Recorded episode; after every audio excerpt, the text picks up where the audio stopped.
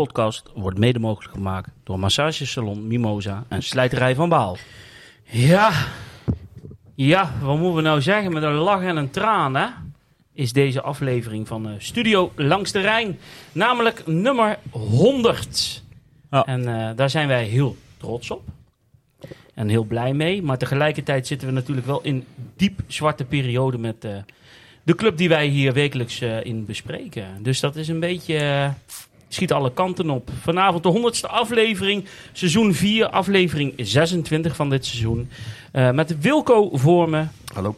Tom Krechting is Hallo. aanwezig. En we hebben vanavond eh, een gast. Dat is Lex, die ons alle ins en outs eh, kan gaan vertellen over de perikelen binnen, maar vooral buiten het veld. En eh, ik zelf ben aanwezig, Bjorn.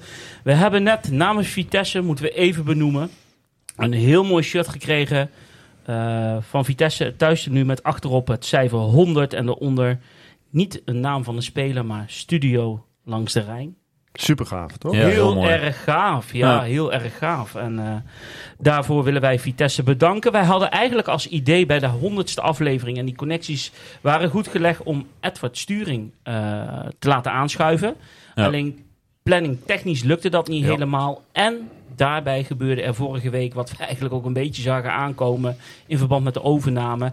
dat er andere problemen speelden die we wilden bespreken. En vandaar dat we ook Lex hebben uitgenodigd... om eh, duiding aan de zaak te geven, Lex. Voel je die druk al, Lex, of Ik niet? ben gewoon een reserve dus. Hè? Ja, ja. Maar goed, eh, we hebben met, eh, met de perschef afgesproken dat eh, Sturing die wil graag nog een keer eh, aanschuiven. Dus die houden we nog hopelijk te goed dit seizoen eh, om Ja. Edward te mogen spreken.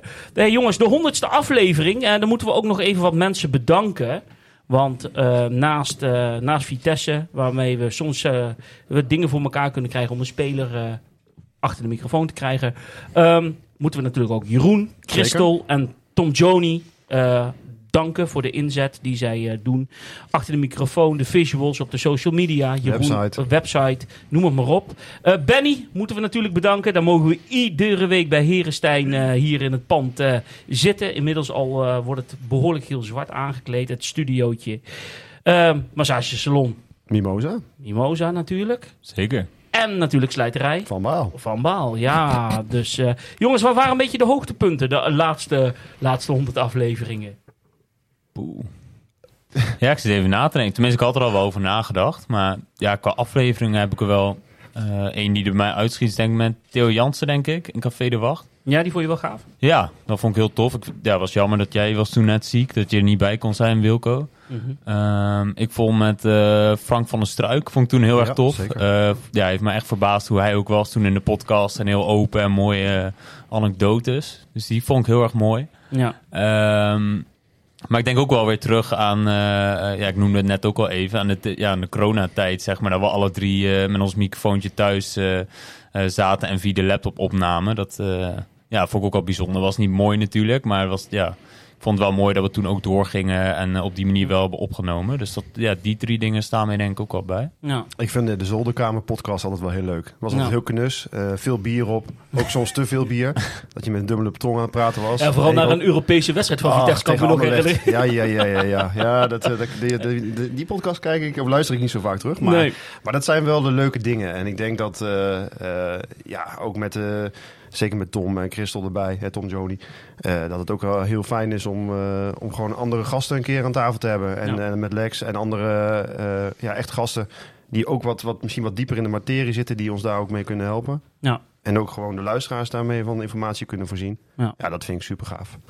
Zeker. Ehm, Wat vind je zelf? Ja, nou ja, ik, ik zat daar natuurlijk ook over na te denken. En eh, wij zijn, ik ben ooit uitgegaan van, nou, als we toch 200 luisteraars kunnen trekken, nou, dan, dan, eh, dan doen we het helemaal prima. En vanaf aflevering 1 zitten we daar dik en dik boven. En dat blijft maar groeien. En niet dat dat het belangrijkste is, maar ehm, het is een platform wat we wilden creëren, omdat we vonden dat een podcast nog niet bestond voor Vitesse, maar er wel moest zijn.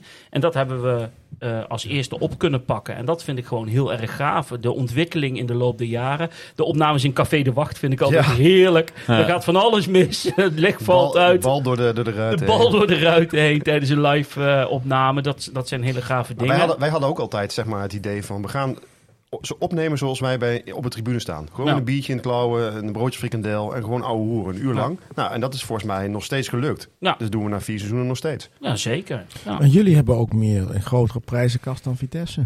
Ja, Ja, sinds deze week. hè? Ja, Ja. Ja, dat is het volgende puntje. Want zo dadelijk gaan we echt in de mineur. Dan gaan we echt over de verschrikkelijke dingen praten. We blijven nu nog even. We hebben al champagne geopend voor de honderdste aflevering. Maar ook stiekem een beetje voor. eh, ja, we hebben weer de fan-eredivisie eh, categorie gewonnen. Buiten de top drie om. Want als die meedoen, dan, eh, dan ben je weg qua stemmen.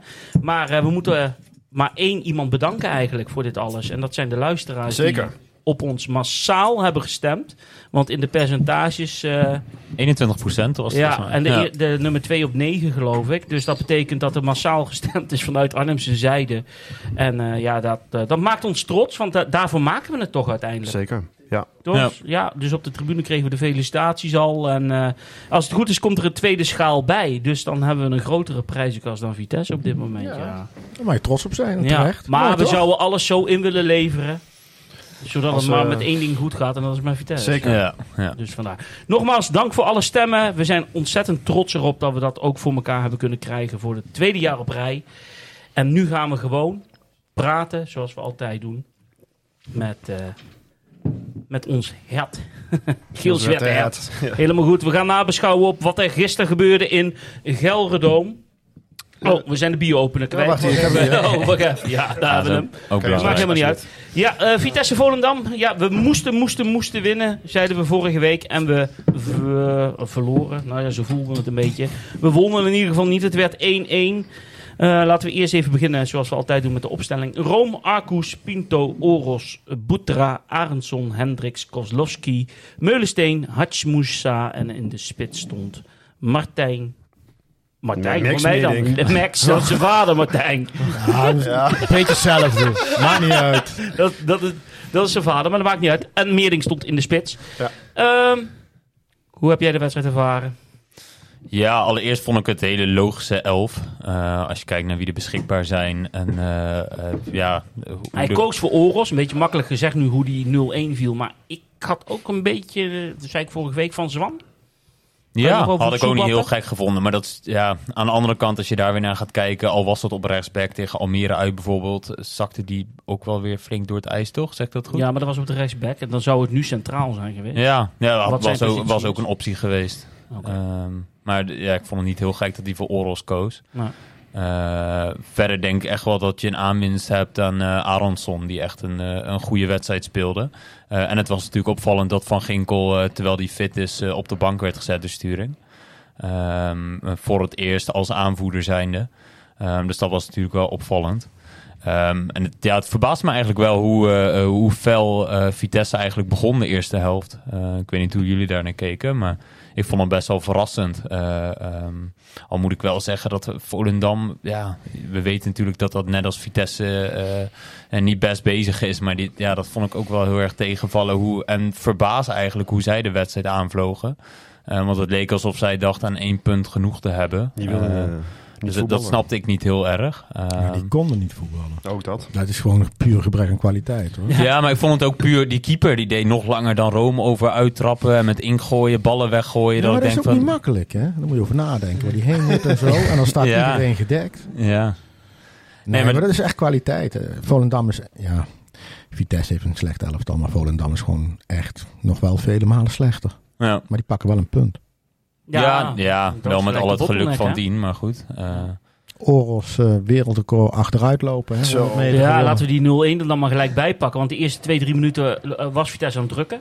Dus dat zag er wel eh, positief uit. Totdat we balverlies leden ja, achter, of ja, voorin bij, bij Volendam. Of achterin bij Volendam. En eh, die stak even het veld over, hè? Ja. Ja, Moussa die was rechtsvoor natuurlijk bezig. En die gaf hem aan eh, Arcus mee. En die verloor de bal. eh, die gaf, gaf hem volgens mij buiten de 16 gaf hij hem weg. Eh, verkeerde terugspeelbal. En toen was Arcus weg achterin. En lag inderdaad helemaal open. En toen kreeg je inderdaad... eh, ja, de wereldrecordpoging van Oros achteruit lopen. Waardoor... eh, ja, maar hij Wel sta- geslaagd. Hij stapt, Ja. hij Ik stapt denk Ja. dat hij dat heeft gehaald. dat hoor. wel, ja. Ja, maar en wat hij, dan doet... Hij Hij stapt sta- verkeerd. op een gegeven moment... Hij hij was ook nog verdwaald. Hè? Ja, Hij ging maar- de verkeerde kant. Ehm, dingen, hoe heet die? Die scoorde... ehm, Bilal, Eh. Ulcik. eh Ulcik. die, die maakt een beweging naar rechts toe, terwijl Oros op dat moment naar links stapt, even zo gezegd. Dat, echt, hij liep alleen maar Hij achteruit. hij gooit de ruimte, hij gooit de zo deur helemaal open. open. Hij gooit helemaal de deur open. Ja, maar hoe, hoe kan de zoiets? fanshop. Maar hoe, hoe kan zoiets? Hè? Hoe kan zoiets bij zo'n Oros die toch al een paar Ja. jaar meeloopt in zo'n Ja, dat is, ook, dat is kwaliteit. Maar je had net over, weet je, de keuze centraal achterin. Eigenlijk waren er twee keuzes. Je kiest in, in, in deze situatie kies je ook wel voor ervaring en toch wel voor kwaliteit. En dan heb je eigenlijk, had je de keuze tussen Oros en Me- Melle Meulensteen terughalen. Dan had je Van Ginkel op het middenveld neer kunnen zetten. Maar dat wilde Sturing niet. Sturing wilde gewoon op het middenveld intact houden met Meulensteen, Kozlowski, Aronson. Want dit, dit weekend is het ook nog een keertje kunstgras. En dan speelt Van Ginkel sowieso ook Nee. niet. Hè? Dus je Nee, wil ook eens. een stabiel elftal neerzetten. Nou, als je dan ziet, er valt er eentje weg. Uiteindelijk hoef je dan maar eentje te, te wisselen. Ja, dan, ik snap wel dat hij dan kiest voor Oros in plaats van, eh, van Zwam. Van Zwam is nog een hele jonge speler. Ja. Hè? Stel, Eens, kijk, eens. Oros maakt nou een ketser, 100%. Als Van Zwam zo'n fout maakt, dan kan die jongen ook helemaal instorten. Dat heb je dus gezien onder andere Ja, bij Almere. Kijk, Ja. Zo'n trainer zoekt in deze periode, in deze situatie, gewoon naar stabiliteit. En dan kies je toch voor de jongens die wat meer wedstrijden mee hebben gemaakt. Ja, en Oros heeft al Europees meegespeeld. Ja, die moet gewoon beter kunnen, daar gaat het niet over. Maar die keuze, keuze vind ik dan wel logisch. Ja. Ja, plus het feit dat hij heeft altijd rechtsback gestaan. Het is eigenlijk een centrale verdediger. Dus je, je had hem ook wel graag een keer op die positie willen zien. Toch? Van Zwam bedoel je? Nee, Oh, Oros. Oros, Ja. sowieso. Ja, nou ja, bij Oros heeft een beetje, ja, dat komt door zijn, door zijn rol natuurlijk in die derbies tegen, eh, tegen NEC. Dat, dat hij natuurlijk zich onderscheidt door doelpunten daar te maken. En dan heb je toch ook een sympathie en zwak voor hem. Maar tegelijkertijd, ja, met zulke acties, dan zie je toch dat hij kwalitatief op sommige momenten dan weer tekort komt. Ja, maar ook los van dat doelpunt, wat natuurlijk mooi was toen. eh, ook wel toen die, eh, hij is toen natuurlijk een tijd eh, weg geweest naar Oostenrijk. En daarna leek hij in één keer een transformatie door, te hebben doorgemaakt dat hij ja, Ja. een betere verdediger leek. Maar dat was ja, van korte duur. En na een aantal wedstrijden was dat ook weg. En hadden we gewoon de oude Oros terug. Ja, maar hij Eh, heeft ook een paar wedstrijden gehad dat hij gewoon heel snel geïrriteerd was. Dan pakt hij weer geel, weet je wel. En dan, heel en dan, ga je, snel dan ga je geel. als trainer ga je ook nadenken van... ja, moet ik hem dan wel laten staan? Dan wordt hij de tweede helft weer gewisseld. En- Sturing heeft trouwens ook aangegeven Ja. dat, hij, dat Oros natuurlijk niet zijn ideale rechtsback was. Maar hij ook soms ook niet anders Nee. kon. Ja. En dat Oros altijd ja. zonder morren die positie heeft ingevuld. eh. Oké, heel gelukkig maakten we twee, drie minuten later de 1-1. Ja. Daar hadden we wel een beetje geluk mee, of niet? Ja, is fout van de keeper, die verder overigens uitstekend keepte. Hè?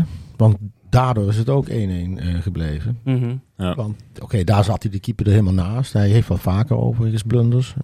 Meneer Bakhuis. Bakhaus. Bakhout. Ja. Dus daar zat hij er gewoon helemaal naast. Maar ja, goed, hij revancheerde zich in de, in de rest van de wedstrijd, eh, moet ik zeggen wel. Ik vond het wel mooi, ik heb Pinto gesproken en die was ook echt wel, eh, echt wel blij. Weet je. Die, je, je, kijk, jullie maken dat allemaal niet mee, maar als je met iemand als Mika Pinto na een wedstrijd spreekt, er zit zoveel emotie in die jongen. Dat zit heel diep, hè? Alle zorgen voor de club. En eh, eh, het feit dat je degradatievoetbal speelt. Hij kwam ook met een heel andere idee naar Vitesse. Heeft dan ook eens een keertje last van die knie. En, en ik heb hem gesproken naar Cambuur. Dat, was echt met trillende onderlip. Die was echt zo emotioneel. Maar dat was afgelopen zondag ook weer. Je, je merkt gewoon dat het bij hem heel erg diep zit. Dus, maar ja, goed, wij maken dan een grapje van... Nou ja, je bent alweer een heel eind op weg om topscorer te worden. Ja. Want die zeiden, ja, dat is mijn eerste goal. Ik zeg, ja, maar ja, je moet er vier maken, dan ben je al topscorer. Probeer je hem ook wel een beetje op te beuren. Maar je ziet dat dat bij zo'n jongen echt diep zit. En dat vind ik ook wel mooi. Hè? Heel veel mensen denken, oh, dat zijn allemaal buitenstaanders en zo. Maar als je wat dichter op zo'n groep zit... weet Je, dit, dit doet echt, die groep doet dit wel veel, hè. Ja. Het is, je bent ook topsporter, je wil gewoon winnen en je wil niet degraderen. Dus het is ook een eergevoel wat mee zit. Ja, en dat zit bij die Pinto wel diep. Oké. Vind ik wel mooi om te zien. Nou, laatst kwam er natuurlijk ook mensen interview bij ESPN er helemaal uit. eh Na Cambuur dat, uit. ja. Ja. Dat- Ja. had hij en- toen ja. had ik de na de, dus na dat interview heb, had ik hem eh, eh, in mijn eentje. En toen liep hij heel, weer, ook weer helemaal leeg. Ja. Wij, wij zijn niet, wij zijn niet waard om het shirt te dragen als we zo spelen. Nee, maar ik, ik geloof er ook nooit zo in dat ze zeggen ze lopen niet voor het shirt of doen, doen niet hun best. Dat, gelo dat geloof ik ook nooit zo Iedereen doet zijn uiterste best. Alleen ja, je kunt niet beter. Ja, en je hebt hier en daar, weet je. Kijk, het mentale aspect speelt gewoon heel erg mee. Kijk, nou ook geen twee minuten. Weet je, je begint fantastisch. Hè? Het is even meteen sensatie in het stadion. Maar binnen twee minuten staat het wel. Bij de eerste beste aanval staat het 1-0 achter. Dan krijgen die jongens een enorme tik. Als je al zoveel nederlagen hebt, zoveel tegengoals. eh, je speelt goed bij Heracles en je staat 2-0 voor. En dan krijg je een rode kaart en dan stort het in.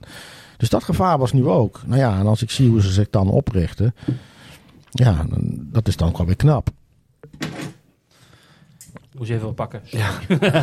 nee, eens. Dus da- da- daar zit wel een. eh, nee, maar dat kun je ze ook niet verwijten. Je ziet ook dat ze op hun manier er alles aan doen. En gisteren, ja, het is, het is bizar als je de cijfers gewoon naleest. Dat, dat het 1-1 is eh, gebleven. Want 30 dat- doelpogingen geloof ik toch? 30 Of doelpogingen. Het schoten. had met de Ja. rust 3-4-1 moeten staan voor Vitesse, weet je. Er was een andere statistiek met 32, maar dan gaat het om een paar geblokte schoten. We zijn het dan wel of geen schoten, weet je wel. Uiteindelijk was het 30. Ja. ehm, en dan drie keer op de lat. Ja, nou, de ik bal kon van de lijn. Dus ja. daarom ook niet zo boos zijn. Ja, boos zijn, wel teleurgesteld. Maar ik was niet echt boos op ze of zo. Want je- ja, eh, als je nou een Vitesse had gezien wat er niks aan had gedaan vanaf de eerste minuut, dan kon je echt boos zijn. Maar ja, wat kon je ze nu verwijten, vond ik. Nee. Toch heel veel pech gehad. Zo'n bal van Arcus die uit de kruising wordt getikt. eh, eh, een bal op de lat van Moussa, die denk ik gewoon een echt een goede pot speelt. Vooral de eerste helft. Ehm, Nou, laten we dan even dat lichtpuntje dan benoemen. Want hoe is het toch mogelijk dat een speler van Patro eisde... waarvan wij allemaal dachten, nou dat is eh, bankvulling voor, voor Manhoef op die, ja, op die rechtsbuitenpositie... Maar die, die steelt te hard. Hij moet wel rendement gaan leveren. Het is allemaal leuk om te zien. En het is dreigend. En een bal op de lat. En hij scoorde tegen Cambuur. Maar het moet nu wel... Ja, dat is het nadeel voor hem met zijn jonge leeftijd. Het moet wel renderen in de positie waarin je zit met Vitesse. Maar het is wel een voetballer waarvoor je naar het stadion komt. Hè? Het zijn twee dingen. Vertrouwen. en de verdediger weet niet hoe hij moet verdedigen. Mhm. Denk ik. Dus dat, is, dat maakt hem al... eh, Hij houdt die bal zo kort onder zich met die kapbeweging dat je weet wat hij gaat doen. Maar voor mij op het moment als je hapt als verdediger, dan ben je al weg. De andere kant op. Ja. Ja, Maar even grappig, hè, want iedereen is bekoord door zijn spel. Op een verschrikkelijk slecht veld, waar iedereen over klaagt over dat slechte veld. Terecht. Maar hij kan er dus wel op voetballen. Dus als je dus goede techniek hebt, kun je dus Ik heb- blijkbaar ik ook op zo'n veld uit de voeten. ik heb niet zoveel problemen met het slecht. Kijk, ik eh, liever een mooiere mat en zo, maar ik heb er niet zoveel problemen mee. Weet je, Volendam heeft er net zoveel moeite mee, want die keeper die, die gleed drie keer op zijn muil, geloof ik, bij iedere uittrap die hij nam, eh, die Bakkenhaus. Omdat het veld gewoon slecht was. Ja, aan de andere kant vind ik, hey, het is voetbal hè. Kom op, het mag ook wel een beetje... eh, ja, jawel, maar als we eerlijk zijn voor een profclub. eh, Nee, oké, maar ik vind niet dat, dat je daar zeg maar op... Want ik las ook mensen die, mensen die zeiden van... eh, op, een, op een goed veld had Vitesse gewonnen. Nou, dat geloof ik niet. Nee, Denk je dat nou echt? Nee, nee dat Ja, je zit me nou weer aan te kijken met Nee, die, nee, ik eh, zit, ik zit met die gewoon- het, hoort, van het, je. hoort, het hoort ook gewoon een beetje bij zo'n wedstrijd, hoor. Zo'n Ja, degradatiewedstrijd. ik bedoel, vind het ja. juist te mooi. Ja. Ja, degradatievoetbal hoort ook eh, modder. Ja, nou ja, na deze wedstrijd eh, wordt er een nieuwe Ja. grasmat ingelegd in ieder geval, voor alle zekerheid, eh, duidelijkheid. Trouwens, uh, Moussa, eh, die werd helemaal bekoord bij ESPN gisteravond, door Marciano Vink en Ja. eh, Kenneth Perez. En werd ook het veld benoemd. Ja, dan waren ze weer natuurlijk weer niet op de hoogte dat na deze wedstrijd er een nieuw veld eh, neergelegd gaat worden. Eh, Oké, Moussa, eh, wie ik ook heel positief vond opvallen in zijn rol, Aronson. Zeker. 100%. Duidelijk een verschil met Van Ginkel, hè? in de versnelling, in de, in de beweging naar voren. Nou, je moet je afvragen, wil je Van Ginkel nog wel op middenveld? Ja, ja, waar zou je Van Ginkel neer moeten zetten als je hem in dit elftal wil zetten? Nou ja, je, kijk, hij werd nu al gebracht voor de laatste kwartier. Als een soort tweede stormram. Eh, Kijk, koppen kan hij nog steeds als de beste. Hè? Eens. Alleen ergens komen. Hij, hij, hij maakt nog steeds 12 kilometer per wedstrijd. Dat, dat, dat kunnen ze dan tellen. Dus die kilometers maakt hij wel. Alleen het gaat om zijn, zijn startsnelheid, zijn sprintsnelheid, zijn explosiviteit.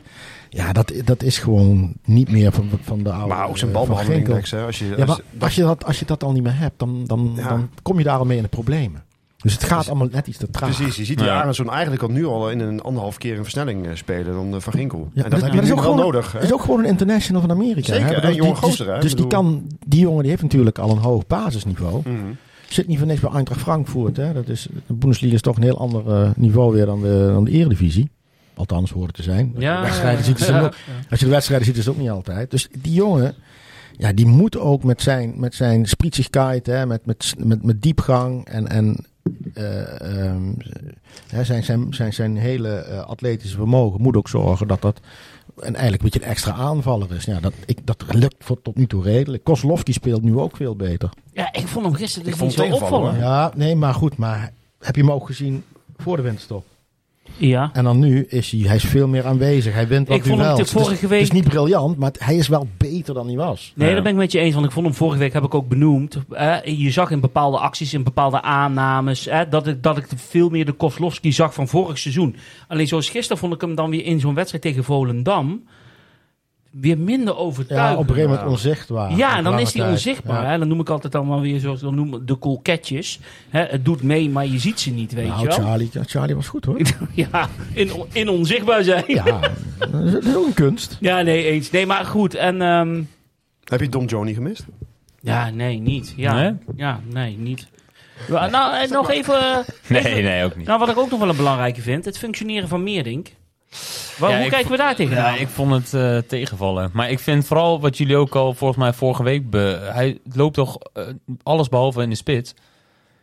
Ik vond hem weer heel veel zwerven. ik Ja, vond daar, ben ik het niet helemaal mee eens. Want Nee. op de Zuidtribune in de eerste helft vond ik dat je heel goed kon zien dat er twee, drie momenten waren waarop Vitesse in balbezit Ja. kwam en in één keer door kon spelen naar Meerdink, waar die in de rol van spits stond. Maar die bal die kwam niet. En wat hij op een gegeven moment gaat doen, dat had hij ook een beetje van zijn vader. Hij wil hard werken, hij wil veel Ja. lopen, dat zit in zijn genen.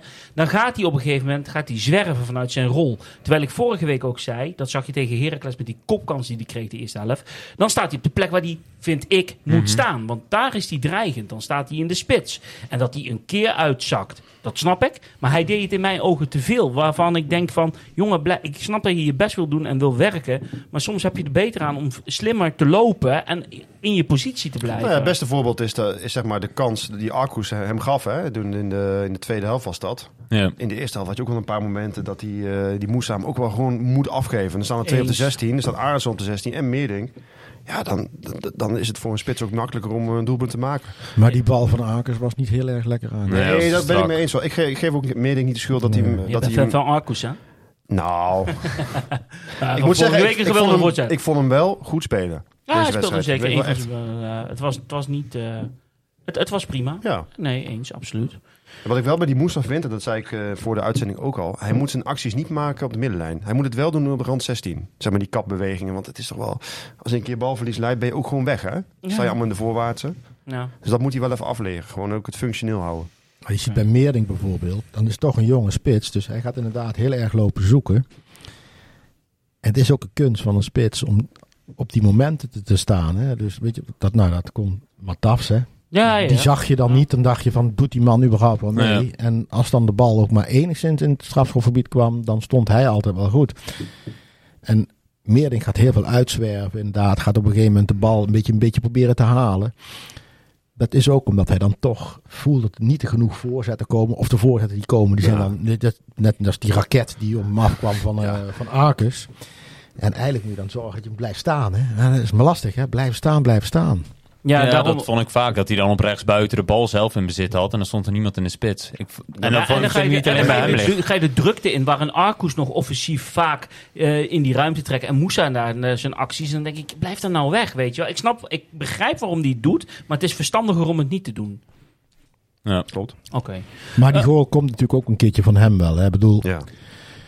ja, ik, je zou bijna zeggen dat gaat zichzelf ook al een keertje belonen. Alleen, ook dit is weer, dit is een jonge spits hè. Ga niet denken dat hij er eventjes nou tien maakt. Dat, dat is hartstikke leuk, nee, maar zeker. dit verwachtingspatroon moet je ook wel een beetje bijstellen. Hè? Ja. Komt net uit de Youth League. Ja, en het is allemaal als, als, als. Maar het is wel... eh, in mijn hoofd denk ik dan wel snel... Als we Meerdink, eh Arnson en... eh, ehm, Eerder hadden gehad. ja, eerder hadden gehad, dat drietal aan het begin van het seizoen... Ja, dan weet Maar, ik... maar heel eerlijk, dat hebben we het ook met Pruppen en Fofana. Als die niet geblesseerd waren geraakt, hadden we misschien ook heel anders...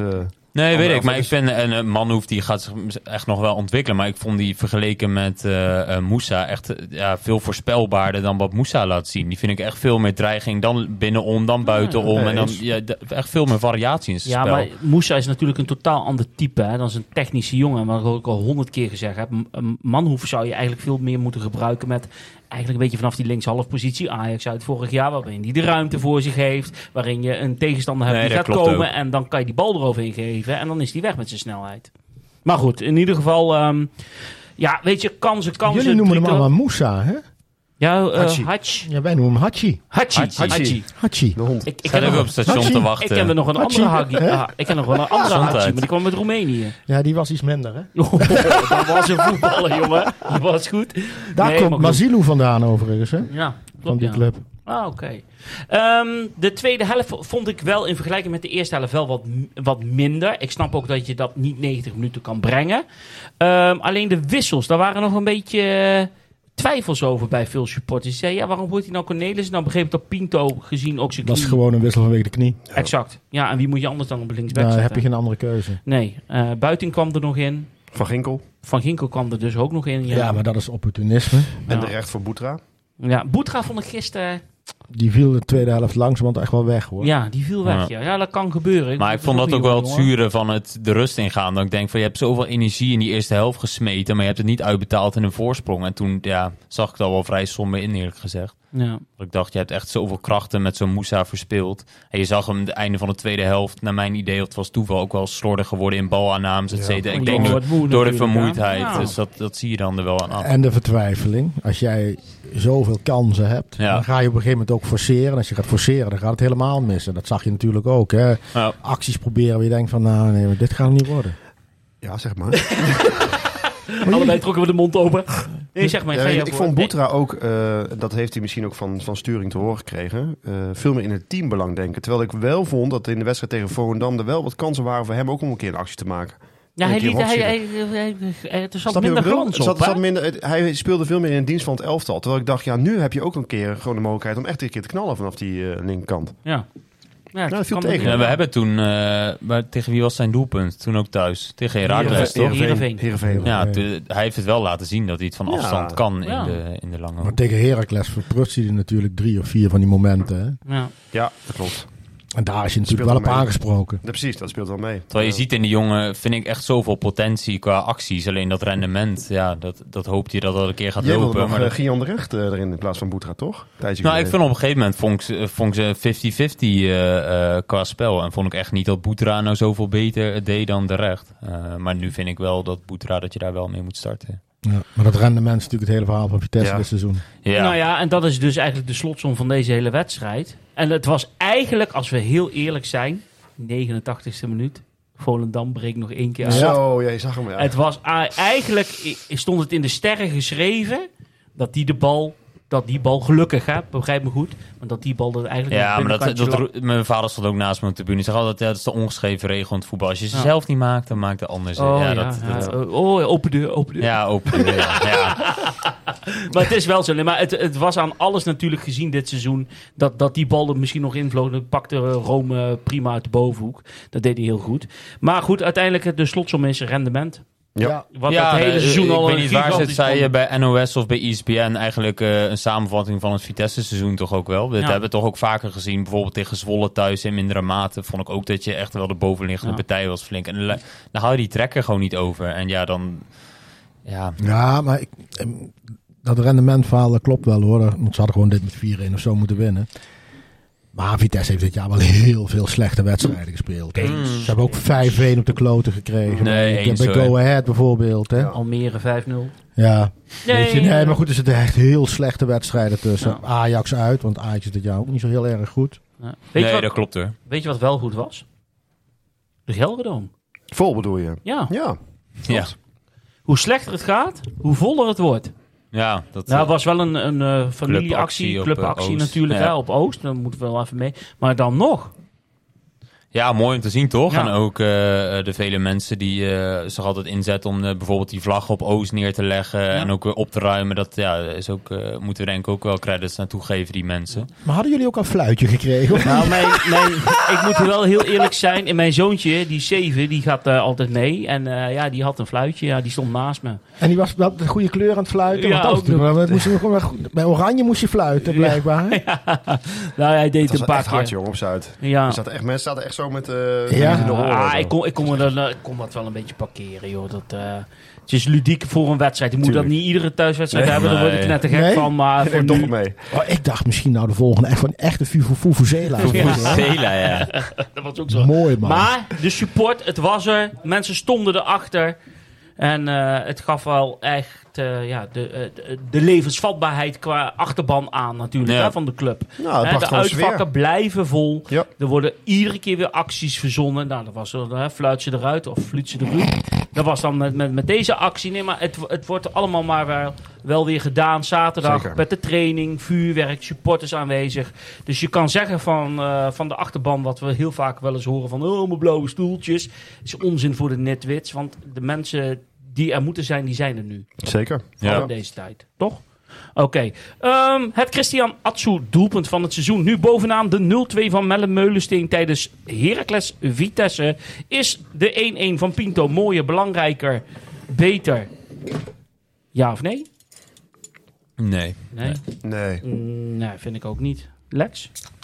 Nee, die van Melle Meulensteen is mooi. Oké, dan blijft Melle Meulensteen... Maar dan eh, moet dan nog wel even iemand een mooi of belangrijk doelpunt gaan maken. hè? Anders dan kunnen we voor de tweede keer eh, Kan Ja, de hele dat prijskast vergroten. eh, hè? naar Ja. Melle toe. Ja. dan komt hij op gelijke hoogte met ons. Ja, dat eh, moeten we niet hebben. Oh nee, dan Pinto was echt veel mooier. Ja, ja, ja. ja, ja. Meulensteen blijft bovenaan staan. En eh, wellicht eh, gaat er nog eens eentje eh, overheen. Raad de... Raad de wedstrijd. Inderdaad, de quiz. Komt die prijs seizoenkaart voor volgend seizoen? Ik ga weer de wedstrijd voorlezen. Voor Vitesse, hè? Voor Vi- Sorry, voor Vitesse, hè? Ben niet dit keer, hè? Ja, dit- ja, ja, dit keer wel, hè? Ja. Vorige wedstrijd komt die 1-0 Berfelo. De 2-0 van Berfelo. De 3-0 van Mortier. De 3-1 van Boni. En de 3-2 van Heikman. Ted, Ted, Ted Heikman. Ted Heikman, ja. Ja, we waren erbij, die wedstrijd. Ja, we hebben het wel eens verteld in de podcast. hè. ja, zeker. is 18 dan. mei 2011. De SML Sportmarktlener tegen Vitesse. Weet je wie daar toen trainer was? Ja, dat weet ik. Maar hij was niet aanwezig, die wedstrijd. Nee. Ja, het was Albert Ferrer. Ja. Maar Stanley Menzo nam het toen over. Want Ferrer die zat in Spanje, geloof ik, op dat moment. Die zat- Oh, lag aan het strand. Wat een wedstrijd was dat, hè? Oh ja, we hebben het, wat ik zei, we hebben het wel eens vaker benoemd. Ik had nog speciaal vrijgenomen op woensdagavond. Ja, dat klopt. Want volgens mij was het zo dat, dat Vitesse na het seizoen, dat was na die Mhm. wedstrijd tegen Excelsior, dat ze op één doelpunt na de na-competitie ontliepen. Ja, ja. Eh, speelden ze op die woensdag tegen de Arnhem Cup winnaar van het jaar daarvoor. En eh, die mogen altijd tegen Vitesse voetballen, want die krijgen dan heel veel supporters langs Klopt. de lijn. Kunnen ze kaartjes verkopen, beach verkopen, frikandellen verkopen. En eh, ja, Vitesse was helemaal klaar met het seizoen. En wij stond, stonden langs de lijn. hè. Caldirola, ik weet niet of jij die nog kent. Ja, ja. Die was slecht, jongen. Die, kon, die, die was, speelde zo slecht. Die had er echt Ja, die spelers helemaal geen zin meer in. Nee, die hadden er helemaal echt geen zin in. zin meer in. Ja. Nou ja, goed. Maar goed. Mooie, mooie wedstrijd. Eh, nieuwe wedstrijd, komt die? Zal ik beginnen? Oh, ik zal even de, degene die het goede antwoord en vorige week ook in hebben geleverd, eh, is doe ik weer in de pot. Aan het einde van het seizoen eh, De gaan we viscom weer... eh, wordt weer gevuld. Heb ik even. tekst erop. erop. Kiekers. Niet Lex- Honderden, Niet dat de honderden. uitpakt, anders dan... eh, Ja. Dan gaan we één naampje uithalen bij de laatste aflevering. En dan eh, diegene die we eruit halen, die wint een seizoenkaart van Vitesse volgend jaar. En dan mag je kiezen welke tribune. Komt die nieuwe wedstrijd. 1-0 Levchenko. 1-1 Nicky Hofs. 1-2 Rink. En 1-3 ook van Nicky Hofs. Stuur je antwoord eh, naar eh prijsvraag studiolangsterrein.nl. We willen de datum en de wedstrijd weten. En dan eh, gaan wij de volgende aflevering weer eh, uit eh, vertellen wie het, eh, wat, de, wat de wedstrijd was. Ja, zeker. En degene die hem weer goed inleveren Zeker. via eh, prijsvraag.studiolangsterrein.nl komt eh, met een eh, naam op briefje en dan stop ik hem weer in de pot. We gaan voorbeschouwen, want zaterdag is er weer een rete belangrijke wedstrijd in Rotterdam om kwart over twaalf. Zondag? Zondag. Excelsior Vitesse. En eh, vorige week hebben we een keer niet gebeld met de supporter van eh, de tegenstander. Dat was Volendam. En ik zei ook van ja, als Easymat zijn werk niet goed uitvoert, doe ik het ook niet. Dus ik had geen supporter gezocht. Maar jij was eh, zo bereidwillig om, eh, om een supporter van Excelsior te vinden. Dus die gaan we even bellen volgens mij met... ehm, ik wil zeggen Stanley, maar dat slaat helemaal nergens op. Nee, die met Stanley. Met, Di- met Dylan hebben we vorig jaar ook meegebeld. Vorig Oh, jaar. ja. Ja. Ja. Ja. Gaan we even mee bellen om te vragen hoe het met de Excelsior is.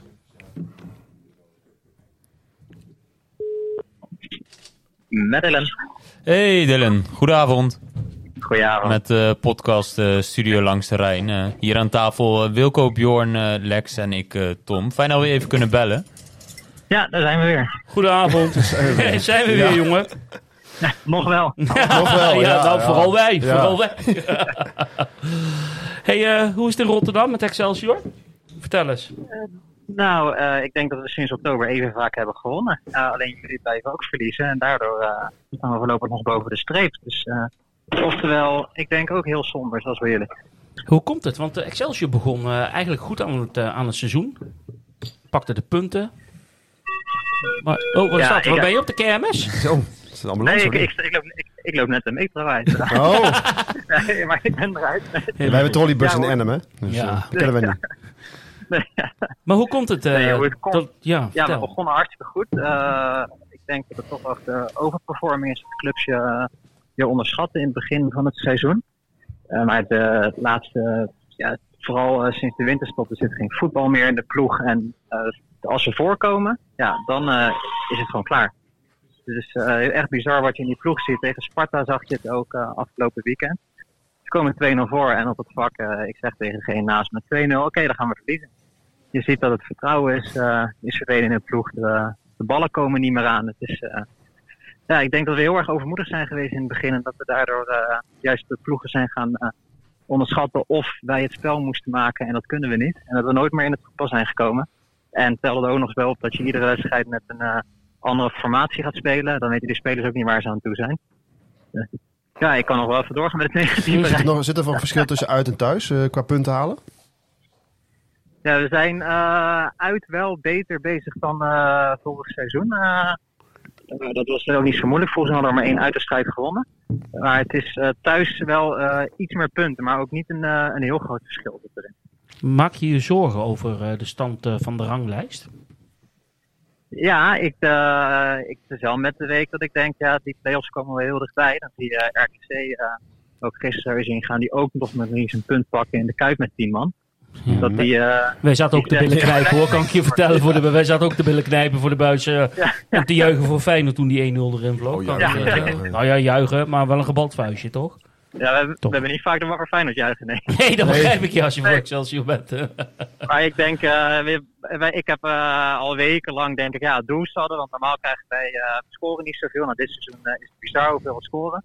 En dan krijgen ze ook wel tegen. Maar dat doelsaldo is altijd in ons nadeel. En dan echt zwaar in ons nadeel. En nu was het eh, voor de, toen we de winterstop uitgingen, volgens mij iets van min 5. En dan heeft de rest eh, min 18, eh, min 20. Ja, en nu eh, met de tegendoelpunten, die vliegen ons weer om de oren. Dus dan, ja, je hebt de drie wedstrijden verder en je kan het verschil in, eh, in, de, in het doelsaldo ook er zijn verloren. En dan eh, ben je dat hele kostbare extra puntje ook kwijt. En ik heb ook eh, ja, nul aanknopingspunten om te denken waarom het eh toch goed zou gaan. Ik vind dat Nou, je, ik vind dat je wel, maar er waren blunders. ik vind dat je wel een beetje in die underdog-positie manoeuvreert op dit moment hoor. Ik bedoel, eh, Ja, ik was ook benieuwd hoe jullie erover denken. ja, hoe, hoe denk Maar, maar wa- wat zijn dan een beetje toch nog de lichtpuntjes in jullie elftal? Als je zegt van, dat goh, is eh, ja, dat we wel echt makkelijk scoren. Als je dat ook vergelijkt met, het, eh, met het afgelopen seizoen. Als ik dan ook eh, gisteren die wedstrijd eh, tegen Volendam van jullie kijk. Dan is het eh, van al die kansen. Excelsior die had daar. eh, ja, dan denk ik, ja, dit seizoen hebben we wel een ploeg die dat erin schiet. Ja. En die op, de op de count toch weer heel snel er kan zijn. En dat je een, eh, een spits hebt die er nu echt staat. Parrot, is lang geleden die hebben gehad. En zo, hoe zit het bij jullie met de meest besproken man van de winterstop? Driehoek. Swipe. Ja, volgens mij is het is, ik zeg altijd swipe, want dat is zijn voornaam. En dat is met Tinder ben je ook aan het swipen. Dat is makkelijk onthouden. Ja. ja, die is eh, hopeloos uit vorm. En je zag eh, tegen Sparta ook dat hij eh, letterlijk uit de wedstrijd werd geschopt. Dus ik weet ook niet hoe het, eh, hoe het daarmee staat. Maar eh, sinds die transfer, eh, ja, hij, het enige wat hij nog echt leuk heeft gedaan is de bal een paar keer hoog houden tegen Sparta. Al was dat bij een 2 stand. Ja. Die is er helemaal uit. Ja, wel snel. Ik kan het ook wel begrijpen voor zo'n jongen. Dan ga je eerst Tuurlijk. bijna de droomtransfer misschien naar PSV maken. Ja. Dan ga je om het eh, kampioenschap, nou bijna een zekere kampioenschap kunnen we wel zeggen. Eh, misschien kan je toch stiekem een paar minuutjes pakken in de Champions League. En dan blijf je toch hangen met alle respect bij Excelsior. Terwijl je misschien in je hoofd al die stap eh, had gemaakt natuurlijk. Ja, hij, wat ik begreep zat hij al in Eindhoven. En is Ja. alleen de medische keuring eh, is dat tegengehouden dat ze niemand vonden. Ja. En dan zie je de volgende ochtend weer op het trainingsveld bij Excelsior. Dan, Ja. Je hebt die wedstrijd eh, van Vitesse gezien tegen Volendam. hè? Waar, waar ben je nou bang voor? Voor welke Ja. speler? eh, ik moet heel eerlijk zeggen dat ik niet echt een speler had die me, die me daar, eruit schoot. Dus ik onthoud sowieso die naam niet heel goed. Maar in het algemeen waar ik bang voor ben is dat die... eh, eh, je ziet wel met, jullie maken echt het, het veld tegen Volendam en toch snel eruit. Volendam laat veel ruimte achterin liggen. Dat die bal dan, ja, ik zeg dan per ongeluk, toch binnen vijf minuten erin ligt. En dan moet ik het ook nog wel eens zien eh, als Vitesse dan toch scoort, of ze die vleugels gaan krijgen. Want ja, tegen Volendam, je, je bent veel en veel beter. En het is echt een godswonder dat het daar eh 1-1 is. Mede door de 1-1, hè, die heel snel werd gemaakt door een fout van de keeper. Maar eh, goed, dat heeft ons wel het zadel geholpen. Maar als je nou... eh eh, eh, wij hebben best wel goede buitenspelers, die zul je misschien wel gezien hebben. Die Moussa, ben je is dat een Ja. speler waar je, waar je bang voor bent? Mm, ja, nee. eh, mag ook nee zeggen. nee. Ja, nee, wat ik zeg, het, het is niet echt een speler die, er die er tussenuit springt. Maar het is, eh, Het is Ja, Vitesse waar je tegen voetbalt. Het is maar Vitesse. Ja, maar- ik, eh, zat hier, ik weet, jullie gaan aan het einde vragen wat, eh, wat, wat ik denk wat het gaat worden. Ja. En goed mij een wedstrijd te binnen ook. Deze periode eh, speelden we vorig jaar tegen SC Groningen. Nou, dat bakte er ook echt helemaal niks van. En we gingen daarheen en we zeiden tegen elkaar, wil je uit de slechte race komen, dan moet je tegen Excelsior spelen. Sparta, acht uh, thuiswedstrijden op rij verloren of zoiets. Ze winnen 4-2 van ons. En Groningen vorig jaar, het uh, heeft niks gevoetbald in de, uh, na de winterstop. Maar ze wonnen wel thuis met 3-0 van Excelsior. Dus ik weet niet wat ze hier nu aan doen zijn. Ik al herring, 2010 mee eens. dat ik ook denk, het kan ook zomaar, jullie gaan op seks verklaren, ook 0-3 worden ineens. Dat je dan heel snel scoort, ineens die vleugels gaat krijgen. En dat toch de, uh, die strohalm nog even gaat. Oh, ja. Daar ben, uh, daar nou, ben ik echt bang voor. Nou Dylan, dan komt er een vraag die je niet ziet aankomen. Nee. Zondag, kwart over twaalf, op Woudenstein. We noemen het gewoon Woudenstein, hè? Dat is het ja, mooiste, toch? Terecht, ja. Bij, de, bij de krantenclub van Rotterdam. Van vroeger uit. Wat gaat het worden, Excelsior Vitesse? Ja, en ook een antwoord die uh, jullie niet aanzien komen. Dat, uh, ik vrees, ja, ik ga het echt zeggen, 0-3. 0-3 voor Vitesse. Zo. Zo, zo. Dylan, als dat gebeurt, nodigen we jou uit op de Zuidtribune. Ja. Mag je met een Excelsior sjaaltje naast mij komen staan. Er gaat jou niks gebeuren. Je krijgt een paar lekkere potten bier. Je blijft bier? lekker bij mij thuis slapen. Dan hoef je niet naar huis toe met de zatte kop. Dan ben je van harte welkom als dit gaat gebeuren. Nou, ja. eh, helemaal goed. Hey, Ik hoop dat het niet nodig is. Nee. Hey. hey, super bedankt dat je even ons eh, te woord wilde staan. En eh, ja, voor zondag geen succes. En voor de rest, eh, het gaat, eh, gaat je goed met Excelsior. Van hetzelfde, maar dan met Vitesse. Helemaal goed. Dankjewel. Oké, doei. Hoi, hoi. doei, doei. Ja, jongens, als we het hebben over Pek Zwolle, moeten we winnen. Heracles moeten we winnen. Volendam moeten we winnen. Hebben we allemaal niet gedaan. En dan gaan we nu naar Rotterdam toe tegen de Excelsior. stroomhalm. Hè? Is dit weer de volgende strohalm? Ja. Ja, Ja. En waarom, waarom dan? niet? Ja, en waarom niet? nou ja. Excelsior is natuurlijk ook weer niks beter. Maar dat geldt ook voor Heracles, Pek Zwolle, Volendam, RKC, Fortuna Sittard. Nee, maar die zijn, die zijn echt niet beter hè, eh, eh, dan Vitesse. Alleen, ehm, ja, je zult een keertje Moeten winnen. Ja, je moet een keertje een beetje. eh, Ja, dat kan daar ook. Je, je, ook op het kunstgras van Heracles was Vitesse beter. Dus die, die aanknopingspunten moet je als topsporter ook hebben. Hè. Dat is heel lastig voor zo'n groep. En, wat, wat, wat, wat mij heel erg opvalt, en, Edward Sturing die, die ergerde zich daar ook eh, van de week aan. Iedereen heeft eigenlijk Vitesse al opgegeven. Maar dan je nog 14 wedstrijden te gaan. En dan heeft Vitesse iedereen opgegeven. Dan je nog 13 wedstrijden te gaan. En heeft Vitesse eh, wordt door iedereen opgegeven. Er zijn nu nog gewoon 12 wedstrijden. Ja, weet je. En ik wil hier nou niet eh, de, de, de, de grote optimist, eh, want dat is ook na- naïef. Het water staat aan je lippen, dat is allemaal eh, duidelijk. Je bent gewoon de grootste degradatiekandidaat, want je staat onderaan in de Eredivisie. Maar je hebt nog steeds een reddingslijn. Want de rest is ook niet zo goed, hè. Mhm. Dus daar kun je ook zelf nog altijd energie uitputten. Maar het wordt wel steeds moeilijker. En je, de tijd tikt weg. Hè. Elke keer heb je weer een week minder. Dus, en het vertrouwen wordt elke keer weer een keertje. eh, weet je, elke keer wordt het aangetast. Dus je krijgt elke keer een klap. Maar ja, op papier heb je nog gewoon steeds een kans om te ontsnappen. Ja, dan moet je er nu in ieder geval vol voor gaan. En dus, Edward Sturen dan bijvoorbeeld met een vast elftal dan nou gaan doen. Dus nou ja, waarschijnlijk komt Easymat dan terug achterin en de rest blijft hetzelfde. En met die vaste vormen en dan toch met hartstocht spelen en dan een keertje hopen dat het wel een keertje goed valt. Ja, het, is- het is natuurlijk, je leeft tussen hoop en vrees. Maar ja, dat, dat doen jullie al denk ik nu sinds speeldag drie of zo bij wijze van Eigenlijk al anderhalf jaar. Ja, nee, dat, dat is ook logisch. Ja. Maar weet je, als je nu zegt van ja, en dan geef ik eh Edward Sturing ook 100% gelijk. En als je zegt van ja, wij zijn gedegradeerd, ja, dan hoef je niet meer te gaan trainen. Dan kun je ermee, dan kun je net zo goed mee stoppen. Nee, dat is ook zo. En ik betrap mijzelf erop. En dat hebben jullie denk ik ook wel. Iedere keer ben je teleurgesteld door het resultaat. Omdat het nu moet gebeuren. Tegen de Volendam moet het gebeuren. Want tegen wie moet je anders de punten gaan pakken? Je moet ook een keer gaan stijgen. En dan blijft het weer 1-1. En dan zak je weer de moed in de schoenen. En dan kom je thuis en dan denk je, oh, weet je wel. Dan- Ja, maar er is wel, ik vind wel een verschil tussen eh, verliezen tien wedstrijden geleden dan verliezen nu, zeg maar. Qua Er zit, veldspel. er zit nu veldspel in, er zit meer strijd in. Er, zit, eh, er, er is wel een club die leeft, zeg maar, nu op dit moment. Een team dat leeft. Ja. En dat was misschien met onder Cocu was dat gewoon er niet. En Nee. dat was misschien ook niet gekomen. En ik merk wel dat het er nu is. Dus eh, dat is wel iets waar ik me aan vasthoud, zeg maar. Wat Lex ook zegt. Dat er nog wel twaalf potjes zijn waar je wat kan forceren. Je moet nog tegen RKC. Ja, maar ik zeg ook niet dat je moet opgeven. Je moet nog tegen NEC thuis. Nou, dat is ook altijd nog wel een, een wedstrijd op zich waar je punten kan pakken. Ja, maar die zijn nou momenteel wel even een klasse Dat- beter. dat dan snap ik. Vitesse, hè. alleen, alleen het is natuurlijk wel een wedstrijd op zich. Ik bedoel, dat, Eens. dat heeft altijd wel een, een hele Een andere bepaalde lading. lading. Precies. Dus ik, ik wil niet gelijk... Jij zei tegen mij na de wedstrijd van het is nu wel klaar, hè? Dat zei je net tegen mij. Nou ja, dat, dat toen, is toen het dacht ik, moment. ik ga geen antwoord geven. Nee, maar je- ja, hij was gisteren, want ik stond, hij, hij lulde niet meer naar de wedstrijd. Hij was, eh, hij was er helemaal klaar mee. Nee, maar dat is de emotie die je hebt op dat moment. Denk je, verdorie, tegen Volendam thuis met zoveel kansen winnen we ook niet. Tegen wie moeten we dan de punten gaan pakken? Dat, zeggen we Ja, week maar daar week zit uit. het hem meer bij mij voor het feit dat ik zeg van het is klaar. Omdat het was, er was een bepaalde reeks vanaf Pek Zwolle die je net opsomt. Waarvan ik zeg, toen toen had het moeten gebeuren. Want Ja. je kan tegen elke tegenstander drie punten pakken. Dat snap ik ook wel. Alleen de, de tegenstanders waar je ze tegen had moeten pakken om die lijn omhoog te zetten. Die zijn nu bijna wel geweest. Als je Excelsior hebt gehad, toch?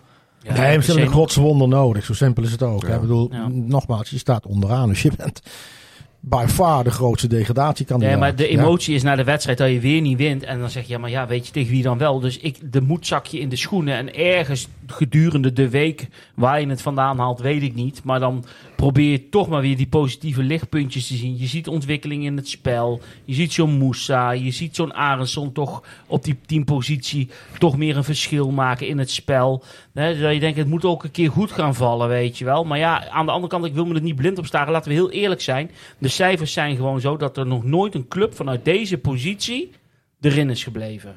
Dat zijn gewoon de keiharde feiten. Ja, en ik hoop, ik hoop op mijn blote knieën dat wij de uitzondering zijn. Tegelijkertijd moet je reëel en eerlijk zijn dat de kans gewoon zeer aannemelijk is dat je eruit vliegt. Punt. Ja, en Daar ik zou snap, er wel rekening mee houden. Ja. Ja, Ja, nee, ja. Lijkt me wel heel verstandig. En het is volkomen logisch dat een man als Sturing die voor zo'n ploeg staat niet gaat zeggen we zijn gedegradeerd. Dat hij de moed erin houdt. Dus ik, ja, en ik snap aan de ene kant wel dat hij dat roept, dat supporters dat zeggen. Aan de andere kant ja, is het toch logisch dat hij niet gaat roepen we zijn gedegradeerd. En dat Nee. hij, 100%. Maar je hebt nog steeds 12 wedstrijden. Kijk, als er nou drie wedstrijden voor het einde is, dan kun je zeggen van ja, nou is wel kansloos. Maar ja, je hebt gewoon 12 wedstrijden. Hè? Ik bedoel, dat is nog een hele zit, hè?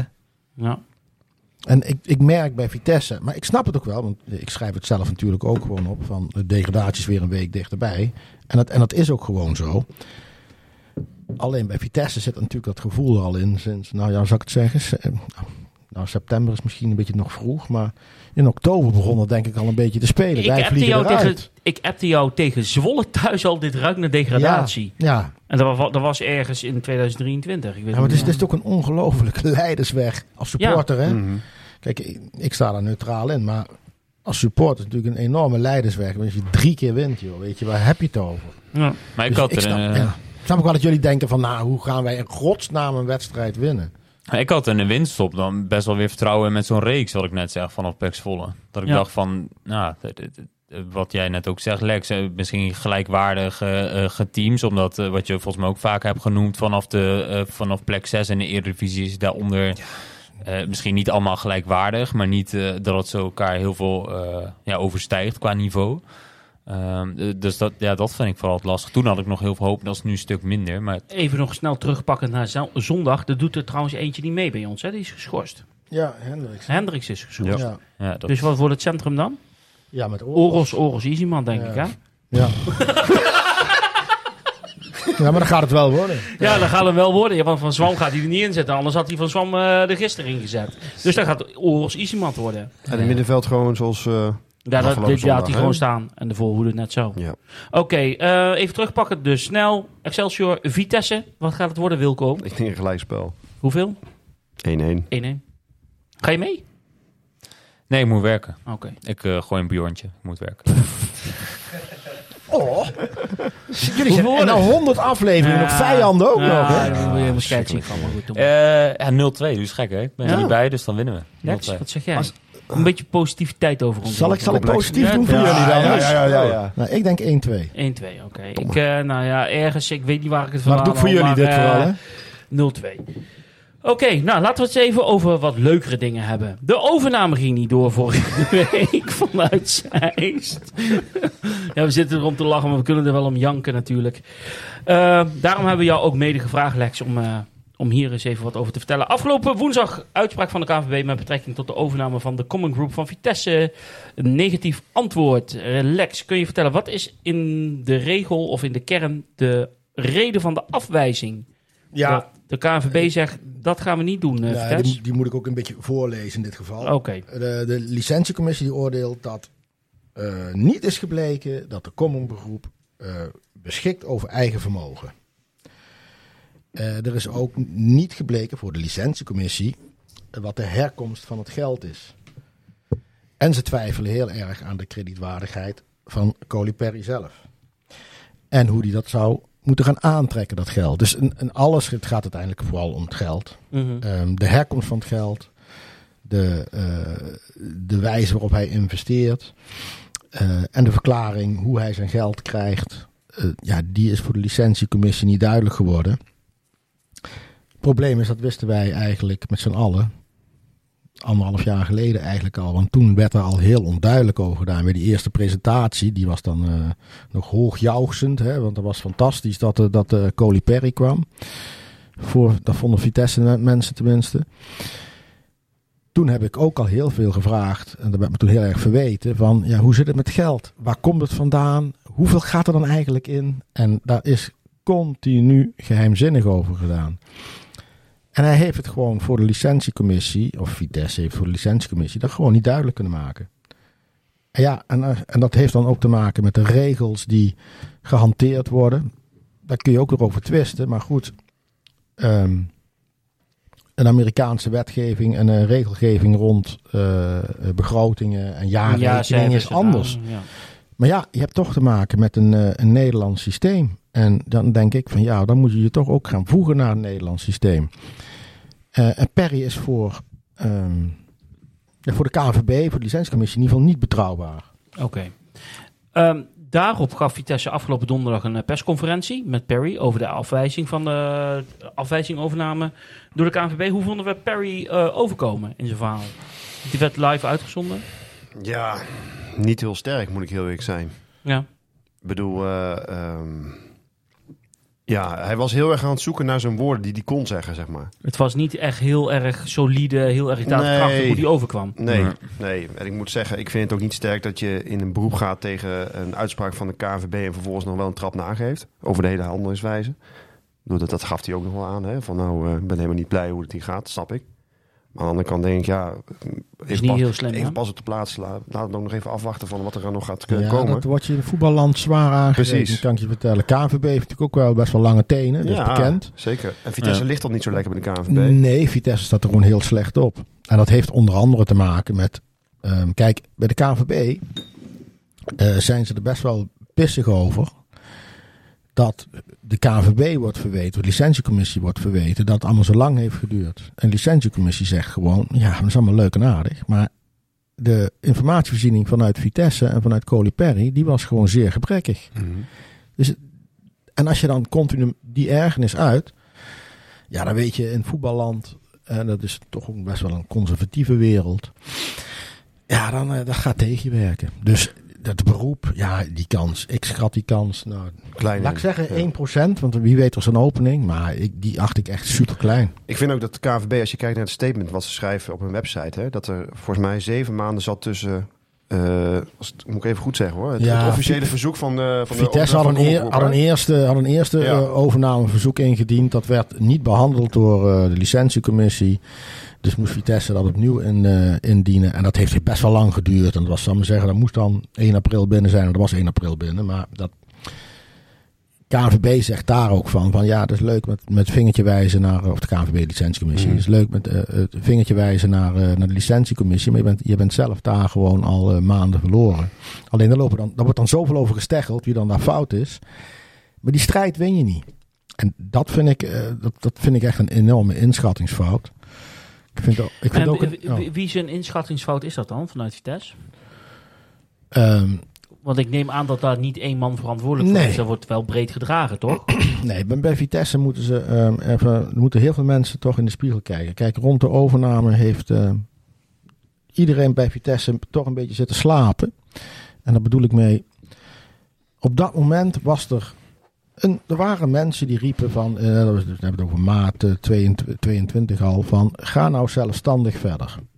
Nou goed, financieel kon dat helemaal niet. Daar gaat het niet om. Dus, eh, maar hoe luid was die roep nou? Stonden jullie met z'n allen daar op Papendal te protesteren? Nee, dat hebben jullie met z'n allen niet gedaan. Hè? En dat geldt voor sponsors, hebben we ook benoemd. Hè? Wij als supporters zijn, als ik Ja, ook naar mezelf lui. kijk in de spiegel, Absoluut. zijn allemaal lui geworden. Ja. Allemaal hartstikke lui Ja. geworden. Ja, en daar word, je ook, daar word je dus ook op afgerekend. Jullie hebben met z'n allen, sponsors, businessclub, eh, supporters, hebben jullie toen eh, niet geroerd tegen Henk Parre en Pascal van Wijk. Die stonden met de rug tegen de muur. Ehm, want er was op dat moment een, eh, een, begrotingsschat van 7,5 miljoen euro, zeg ik gewoon grofweg. En zij wilden de, de ambities eh, overeind houden. Dat was totaal irreëel. Nou ja, daar is dus door verschillende mensen wel op gewezen. Hè? Ik bedoel, onder andere Edward Sturing ook hoor. Maar goed, wij van de pers hebben dat ook gezegd. Van jongens, jullie moeten eens gewoon een keertje normaal gaan doen. Weet je, met die rare begrotingstekorten, kap er nou mee. Ja, nee, het moest en het zou. Nou ja, en daar betaal je letterlijk de, uiteindelijk de rekening Maar van. was Dan- dat, Dan laat, eh, nee, maar je laat een Amerikaan binnenkomen. Die moet nog door de ballotagecommissie. En dan Mhm. leen je zoveel geld van hem. Dus je wordt gewoon al meteen gegijzeld door die man. Ja, ik, dat zijn echt kapitale blunders. Maar, Maar die we- moeten veel mensen zich aanrekenen. En was dat toen in de zomer van 2020 dan wel reëel geweest als ze hadden gezegd, we, ik roep maar wat, hè, bij wijze van spreken ontslaan zoveel personeel en we gaan helemaal terugschroeven om dan wel op eigen benen verder te gaan? Of was dat niet, ook niet reëel op die manier? Als je echt gewoon inderdaad flinke mes in de begroting had Ja, gezet. nou ja, maar, dat, is dan, dat is dan de keuze. En dan word je, eh, dan word je het een? Weet je wel, noem ik het een Heraklesje. Dat is niet helemaal netjes wat ik nou zeg. Maar dan word je, ja, dan ga je, dan ga je een begroting van Heracles, weet je. Of dan ga je naar een begroting van, eh, van Go Ahead Eagles. Dan kun je, weet je, met de inkomsten van Vitesse, die, hebben- die, die zijn nu 19 miljoen. Die waren toen, zal ik maar zeggen, 17 miljoen. Daar kun je een echt een uitstekende eredivisionist voor neerzetten. En bij Vitesse maakten ze dan een begroting van 24 miljoen. Dus die begonnen met 7 miljoen verlies. Ja, en dan heb je dus geen enkele eh, transfersom. En dan moet je 7 miljoen gaan afdekken. En dan laat je doen door een Amerikaan. En het gaat mij niet eens om die Amerikaan in deze, of die wel of niet betrouwbaar Nee, is. wat je bedoelt. Maar jij bent ervan afhankelijk. Ja, Ja. het zijn kapitale blunders. En dat, dat is Van Wijk en, en, en Parre, die zijn erop gesneuveld. Eh, onze grote vriend eh, Rovers, die zat er ook bij. Maar ook Van Bussel. En ook, ook gewoon leden van de businessclub, die wisten daarvan. En ook sponsors die nu misschien wel naar voren treden. Die wisten precies, want die zitten allemaal bij die gesprekken. En die hebben allemaal niet ingegrepen. Dus je hebt het ook gewoon over jezelf heen gegooid, eh, eh, afgeroepen. Omdat je last hebt van grootheidswaanzin. En dat is gewoon een groot probleem bij Vitesse. Maar zit dat nou dan in het, in het algemeen bestuur, zeg maar, die nu gesneuveld zijn? Of zit het in de raad van commissarissen die daarboven staan, die eigenlijk moeten een bestuur moet, of een, eigenlijk een beleid moeten uitrollen wat een, het algemene bestuur moet gaan handhaven en Nou ja, uitwerken, zeg maar, uitvoeren. toch? Je zou het in gezamenlijkheid moeten doen. Hè? Dus eh, machtige sponsors, noem het maar, die, die, die al jarenlang trouw zijn. eh businessclubleden, eh, je, je directeur en je eh, raad van commissarissen. Waarbij je ook een keertje nog een uitgeklede raad van commissarissen had. Hè? Want ehm, die Rus Solovjev, ja, die zit in Moskou. Die zit er voor een hele andere reden. Die zit daar puur nou voor die aandelen nog te bewaken. Zou ik maar zeggen. Die bewaakt een beetje de toko voor OIF.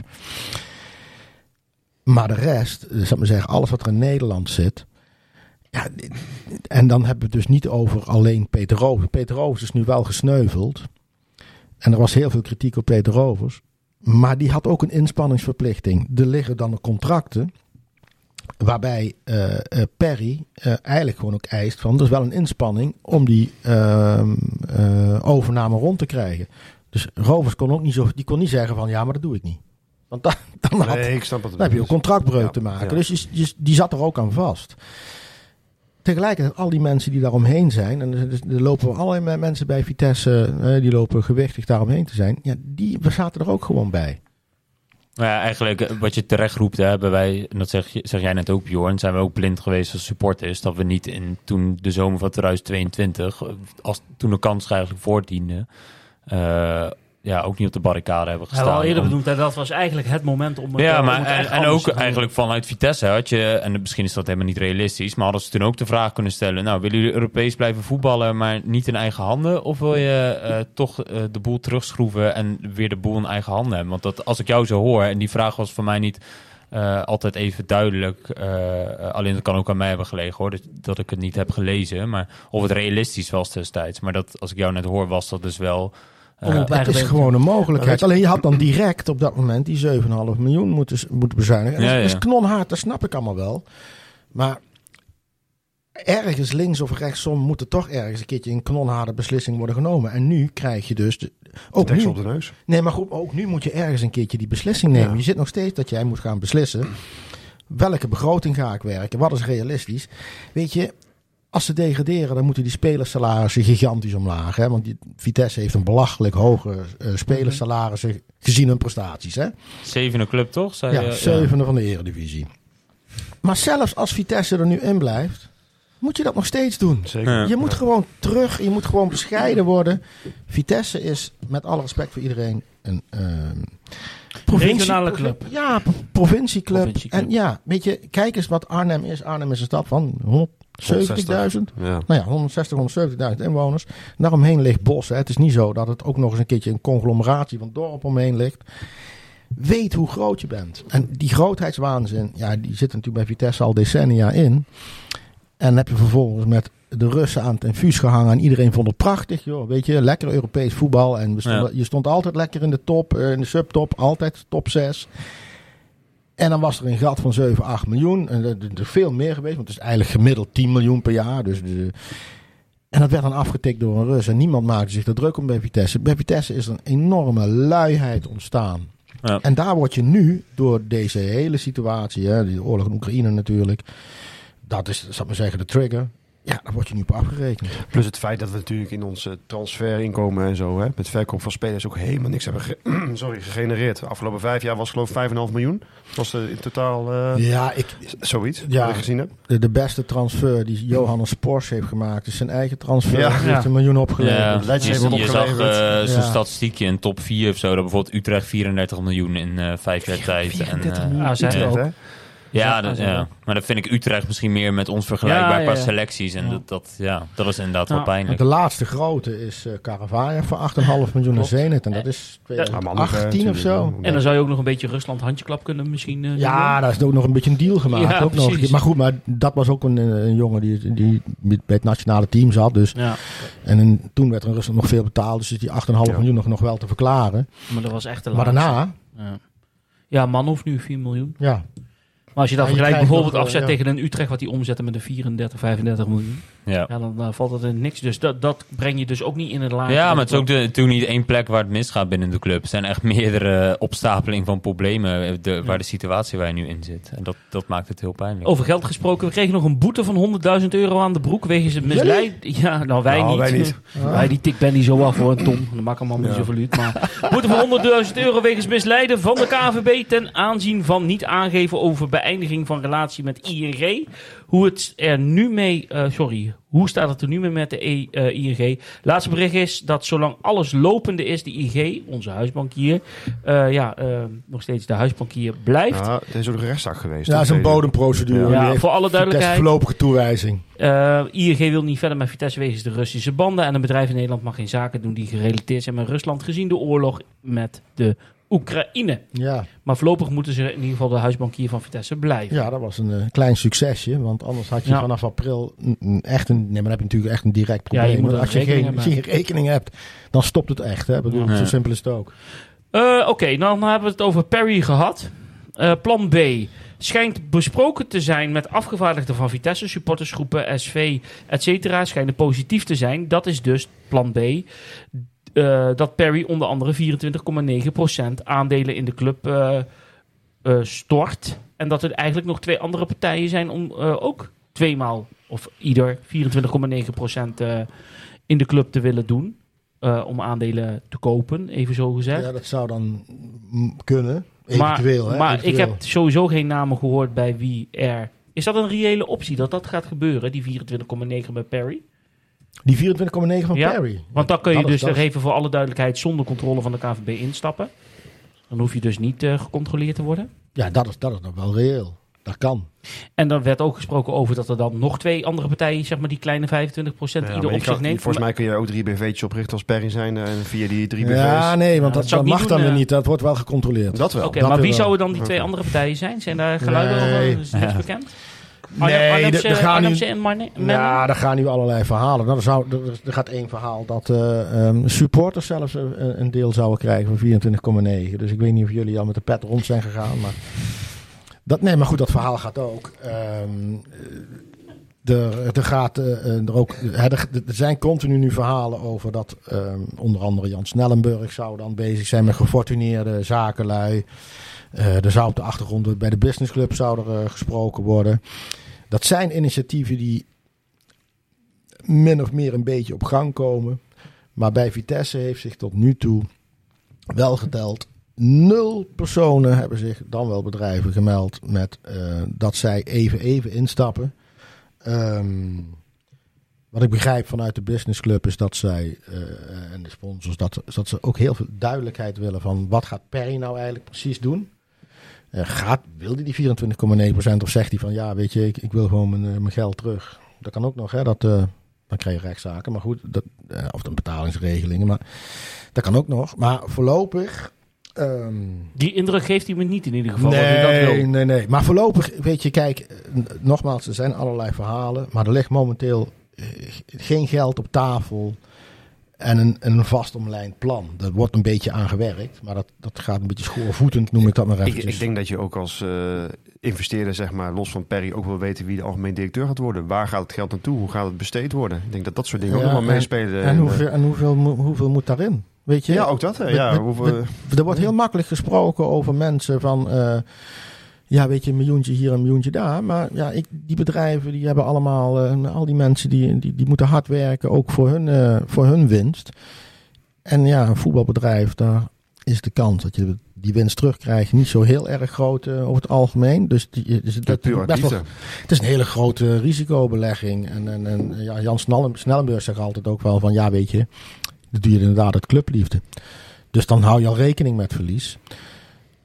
Dat doet niet iedereen. Hè? Er gaan, en, en ja, met alle respect voor het hele Arnhemse bedrijfsleven. Maar ook die waren de laatste twintig jaar gaven die niet thuis. Hè? Dus die, dat zijn niet de mensen die de club zoveel hebben gegeven. Waardoor eh, Vitesse met twee vingers in de neus eh, eh, overeind bleef. Dus er zijn ook al jarenlang toch betalingsproblemen. Om het zo maar te zeggen. Weet je, ja, weet je, die sponsors zijn er wel. Maar het zijn geen, zijn geen massale bedragen. Ik vind het wel Ja. bijzonder dat we dan toch 19 miljoen euro aan inkomsten hebben. Ja, Waar komt dat allemaal vandaan Nou, er dan? zit, zit, zit 6 Slecht miljoen eh, eh, televisiegeld al bijvoorbeeld in. Ja, Ja, goed. En de rest is inderdaad sponsoring. En dat heeft overigens Peter Rovers. dat doet Peter. Rovers is dat Ja. eh, bedrag omhoog gegaan. Nee, maar er zit wel een significant bedrag in. Maar als jij nu aandelen wil gaan kopen, dan moet je in één keer 10, dus 11 miljoen, Ja. 12 miljoen Ja, in één precies. keer hebben. Dat is wel een groot bedrag. En dat gaat niet, dit soort dingen gaan niet om één jaar. Hè? Als jij met bedrijven Vitesse overneemt, ook volgend jaar moet er weer een begroting worden gemaakt. Ja. En het jaar daarna moet er weer een begroting worden gemaakt. Dus het, het is meer dan 10 miljoen als je aan dit soort klusjes begint. Ja. Want wij, ja, wij kregen voordat we begonnen een artikel van Omroep Gelderland onder onze neus eh, geduwd. Eh, en zij beweren dus dat het select gezelschap eh, zou de handen in één hebben geslagen ehm, om Vitesse overeind te houden. Eh, en dat zou een stroomstelling zijn gekomen nadat eh, bekend was geworden dat Peter Rovers opstapt. En dat zou naar verluid, eh, zouden ze een slordige 10 miljoen euro hebben verzameld. Maar, Ja. Daar kreeg ik dat een is- antwoord op van een van de be- betrokken mensen in het businessclub. Is, is veel te prematuur. Oké. Oké. Nou ja, dat er in ieder geval stromingen op gang komen en de verhalen gonsten. De heer Albe stond gisteren op de Zuidtribune eh, voor de eh, hele oude voetbal eh, Vitesse supporters. eh, ja, gaat dan eh, toch ergens eh, ja, wel weer eh, terug in de tijd. Hè? Toen Ja. Karel eh, in 84 eh, bij Vitesse aan het roer kwam om ze te redden. Ehm, en eh, bijvoorbeeld hoorde ik eh, ook nog, eh, eh, hoor je vanuit de coulissen, dat eh, als je het over technisch directeur hebt, Ted van Leeuwen liep gisteren rond in het Gelderdoom. Eh, Gerry Hamstra, eh, zijn naam eh, viel ook als eh, een van de nieuwe eh, technisch directeuren om eh Smedes op te gaan volgen, die aan het einde van het seizoen weggaat. Ehm, gisteren waren ook eh, Pascal Jansen, eh, was gesignaleerd. Niet dat het iets hoeft te zeggen, John van der Brom. John van der Brom die was er ook aanwezig. eh, en, eh, maar die als- was analist overigens. Nee, Dus dat weet ik wel, maar je weet hoe het werkt in de Ja, voetballerij. Nou, als iemand En een open sollicitatie heeft gedaan, dan is het John van der Brom wel. Zou John van der. Brom naar Vitesse willen? Ik denk dat je Nou. niet veel salarisonderhandelingen met hem hoeft te doen, volgens mij. Ik denk drie eh, gevulde koeken en een, eh, en een Ja. kratje bier. En eh, algemeen directeur eh, voor die positie werd ook nog Paul van der Kraan genoemd. Dus het gonst van de geruchten en namen en posities en noem het allemaal maar op. Paul van der Kraan die gaat dat niet doen als, als, als algemeen directeur. Maar die, die is adviseur bij Twente. En meer in die rol zijn er mensen bij Vitesse die denken van dat zou hij heel goed kunnen. En dat klopt, want dat, dat is iemand die dus goed kan saneren. Saneren, Dus- ja. Ja, dat heeft hij al eerder bewezen. ja. En die heeft, ja, en ook bij Twente. En die heeft bij Twente heeft hij Dominique Scholte. Dat is een hele jonge eh, eh, eh, algemeen directeur. Heeft hij opgeleid. Dus bij Twente zit er dus een plan. Dat is een mooi woord, plan voor Vitesse. Echt een plan. En zij werken dan dus met een, jonge, nieuwe stroming. En niet dat old boys network. Want Mhm. met alle respect voor heel veel mensen die ik voorbij hoor komen. Ja, dat zijn wel mensen die, zal ik maar zeggen, al dik pensionado zijn. Moet, moet je dat nog willen als voetbalclub? Mhm. Nee, ja, als je zegt aan een nieuw Vitesse te willen bouwen, dan denk ik ook dat je inderdaad... eh, ik denk dat het ook meer nostalgische gevoelens zijn wat mensen dan Ja. vooral hebben aan een vastpakken. Wat je ook met eh oud-spelers hebt, denk ik. Die dan graag ziet terugkomen, waarvan je soms ook moet afvragen of dat dan eh, Ja. zinvol is. Even nog voor alle duidelijkheid. Maar ik zeg overigens Oh, met die 10 miljoen bijvoorbeeld. Ja, weet je, ik, ik, nogmaals, ik, ik begrijp dat dit veel te prematuur is. Maar ja, er zullen heus mensen nu bezig zijn om iets te gaan doen. Maar Ja. Even nog over het eh, opstappen van Rovers. Want er kwam ook lekker net voor een hele belangrijke wedstrijd naar buiten toe uh, gisteren. Um, ik zat ook te denken, kijk, het werd net ook al aangegeven. Hij heeft heel veel goede dingen gedaan. Voor de business club heeft hij best wel uh, een verschil kunnen maken. Uh, door uh, klantenbinding te doen en dus meer inkomsten te kunnen genereren. Uiteindelijk is hij de opvolger geworden ad interim van Pascal van Wijk. Kunnen we ook oordelen dat Rovers ook niet capabel genoeg is geweest in de positie die hij heeft genomen, terwijl zijn sterke kant op een ander vlak ligt? Dus bijvoorbeeld in de business club. Wat eigenlijk veel meer zijn uh, stilo is. Ja, ja, achteraf is het natuurlijk helemaal maar Snap ik, dat, snap dat, ik. Dat, dat is het probleem niet. Um, het grootste verwijt wat er vanaf de werkvloer komt. Tunnelvisie. En, uh, ja, tunnelvisie en, en uh, zeer solistisch optreden. Kijk, en het hele uh, overnameproces, en het hele dossier heeft hij gewoon heel erg, um, erg veel mensen buiten de materie gehouden. Waardoor je natuurlijk ook al vanzelf verzet oproept. En dat kan heel uit ook het integriteit zijn geweest. Of juist hem van ik, ik kan dingen niet delen. Dat zal, hem, zal misschien wel zo zijn. Maar het heeft niet in zijn voordeel gewerkt. En hij is het uithangbord. Dus hij is ook meteen de kop van je. Dat, ja. dat is een beetje inherent aan de positie.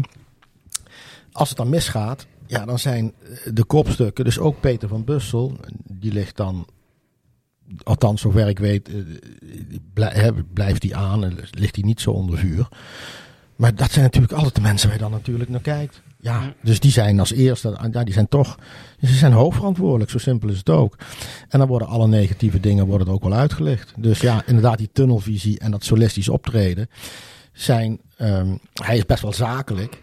Ja, en, en, en op een werkvloer vinden mensen hem dan afstandelijk. Weet je, dat, dat soort dingen gaan dan tegenwerken. Maar, in een gewone bedrijf heb je niet zoveel last van. Maar ja, voetbal heeft een uh, oh, glazen plafond. Hè? Glazen plafond. Dus je, alles wat je daar doet heeft een... Uh, maar Lex, is, is, het ook niet heel makkelijk om nou te zeggen van... Weet je, we stellen gewoon een algemeen directeur vanuit de organisatie... terwijl we eigenlijk niet weten of die überhaupt geschikt is om algemeen directeur te zijn... met ja. Pascal van Wijken Rovers. Ja. Dat vind ik wel iets wat je zeg maar in de Raad van Commissarissen mag verwijten. En mag je die... Hè, dus eigenlijk zijn er twee keer fout, ja. fout gemaakt ja, op dat maar vlak. de Raad van Commissarissen is ook veel verlopen. Ja, nee, dat is ook zo. Dus ja, het, het, het, is het helemaal in, de, in, de, in de top van Vitesse zit helemaal geen stabiliteit. En ik, ja, dat moet ik een beetje opzeggen, oppassen wat ik zeg, maar ik mis ook een beetje kennis. Oké. Okay. Ja, want ja. waar komt Peter van Bussel in één keer als raad van commissarislid vandaan? Weet je, ik bedoel, wat is zijn achtergrond? Heeft hij dat ooit gedaan? Weet je, hij komt natuurlijk uit, uit het hart van de club. Maar dan ben je nog geen, niet zomaar even een hele goede commissaris. Nee, nee precies. Ja. Dat, moet je, dat moet je dan ook bewijzen. En uh, hij kan het goed doen, daar gaat het even niet om. Maar het is wel een risico. En uh, Peter Rovers is naar voren geschoven uit nood. Hoor je nog wel eens ja. wat van Toon Gerbrands? Die heb ik vandaag. Uh, wat is zijn rol bij Vitesse? Die is er al vijf maanden niet meer geweest. Oké. Okay. En, eh, hoopvol. Dat, nee, vind ik wel, dat vind ik wel iemand die, zeg maar, die had volgens mij meer een adviseursrol. ja, die adviseer, adviseerde ehm, eh, Peter Rovers. En ook gewoon, eh zou ik maar zeggen, het algehele bestuur. Nou, die heeft mij gemeld dat hij ehm, eh, niet beschikbaar is als ehm, eh, algemeen directeur. Maar dat had hij al na zijn PSV-tijd besloten. En hij, ehm, er waren al vijf clubs geweest intussen. En heeft ze alle vijf heeft hij ze heel netjes... eh. De deur gewezen. Ja, ja. Was de levensvatbaarheid van Vitesse bij degradatie? Ja. Ja, die, ook, ook dan krijg je weer het verhaal. Maar dan moet je nog... Snijden, snijden, snijden. Ja, nog de harder, nog harder, nog nog harder. harder, nog harder. Dus eigenlijk is de slotsom Lex de laatste vraag, want er heel veel diepgaande materie. Ik wil eigenlijk nog wel een vraag stellen. Oh, natuurlijk. Ja, Want we hebben twee, eh, nog een ander onderzoek. Hè? De ene is afgerond. En die Russische... de juridische Abramovic. verbondenheid tussen Abramovic en Vitesse. Daar is ook nog helemaal niks van bekend. Want volgens mij in het statement van de KVB stond dat het onderzoek bijna is afgerond. Ja, Maar daar is natuurlijk nog helemaal niks over bekend. Dus volgens mij heeft Vitesse wel het conceptrapport ontvangen. ja, dat hebben ze eigenlijk... eh voor mij hebben ze dezelfde dag toen geantwoord. Omdat daar niks in stond wat er ook maar enigszins op duidde dat ze... ehm, dat er een, eh, dat een connectie overtreding was, een connectie was.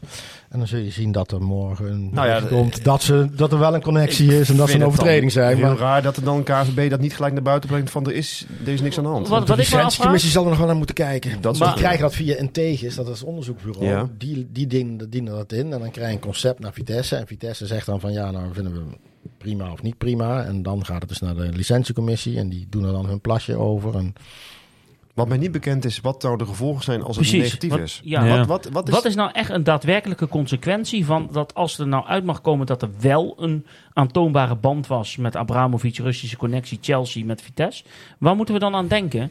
dan worden alle leden van Studio Langs de Rijn opgepakt. En terecht. Nee, maar moeten we dan nee, denken ja, aan... dat, dat, dat, kan, dat, dat kan nog puntenaftrek zijn. Nou, je hebt al geen punten, dus maar goed. eh Mhm. Dat kan puntenaftrek zijn, dat kan boetes zijn.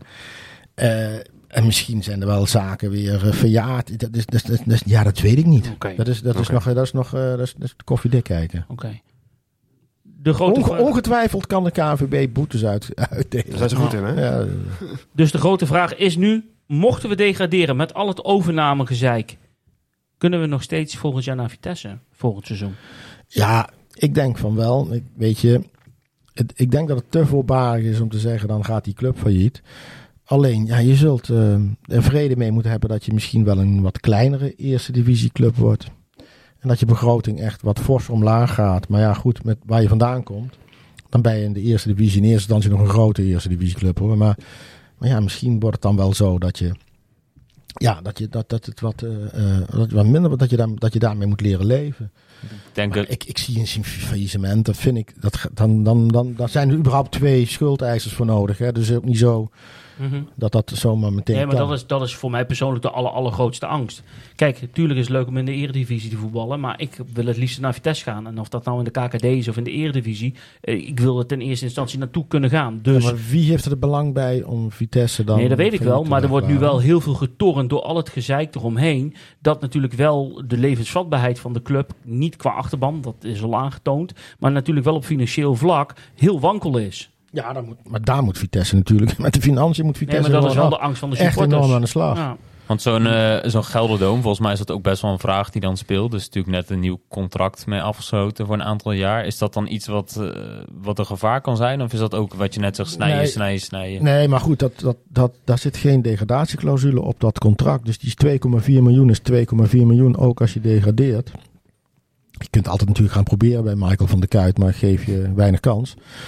Nee, maar goed, met die moet je dus er meenemen. Kijk, als, als je nu, zeg maar, je gaat naar, je hebt nu inkomsten van 19 miljoen, zeg maar, laten we iets, eh, zeg maar rond 19, 20 miljoen. Hè? Dat is grofweg je inkomsten. En je gaat naar de eerste divisie, nou, dan moet je de helft eraf tellen. Dus dan kom je op 10 miljoen uit. En dan moet je nog 2,4 miljoen van aftellen, want dat je huur. Ja, en dat is dan het budget wat een club grofweg heeft. Ik, ik, ik heb het van de week opgeschreven, dan zijn de cijfers iets anders. Maar zoiets moet je dan gaan denken. Je, volgens mij kom je op 12, 13, 14 miljoen uit als je in de eerste divisie zit. Maar dan moet je dus die 2,4 van aftellen. Eh, en dat betekent dus dat je gewoon heel erg, eh, eh, als eerste heel erg moet gaan schrappen in je spelersalarissen. Eén groot voordeel. Van bijna alle dure jongens lopen ze ook af. Mhm. Eh, volgens mij blijven alleen Arcus en Rome nog over van doorlopende contracten. En dat zijn dan dure jongens. Nou ja, goed, Aken staat er bijvoorbeeld nog goed op in de Franse markt. Dus, eh, maar voor Rome wordt het wel lastig. Dus natuurlijk vanwege leeftijd. En, en die wil graag in Nederland blijven. privé, Ja. Dus, dus, maar ja, goed, je bent wel van heel veel salariskosten dan ook af. En je krijgt, ja, je krijgt dan een heel ander elftal. En je krijgt vanuit de KVB volgens mij ook nog iets van geld om het eerste jaar te Ja, overbruggen, geloof ik. je, je televisieur geld gaat van, wat zullen we zeggen nu, Ja, vijf- dat- 5,7 gaat naar 2 of zo, Ja, 2, dat is 2,5. Dus echt je gaat iets van 3 miljoen omlaag. Ja, oké, precies. Dus dat is wel een, dat is wel een, grof, een grof, een grove tik hoor. Ja. Van Ginkel stopt dan denk ik met voetballen. Die gaat bij Vitesse niet voetballen. En op het Prupper? kunstgras. Nee, Prupper dat ook niet. gaan we niet meer zien. Ja. Nee, maar die hebben ook een aflopend contract. Dus de, de, dan is er ook voor Vitesse... ehm, Niks aan de hand om... eh, nou ja, maar je, of jij niks aan Je de moet hand met hele maar andere- de- de- je moet met de hele andere salarissen gaan werken. Precies.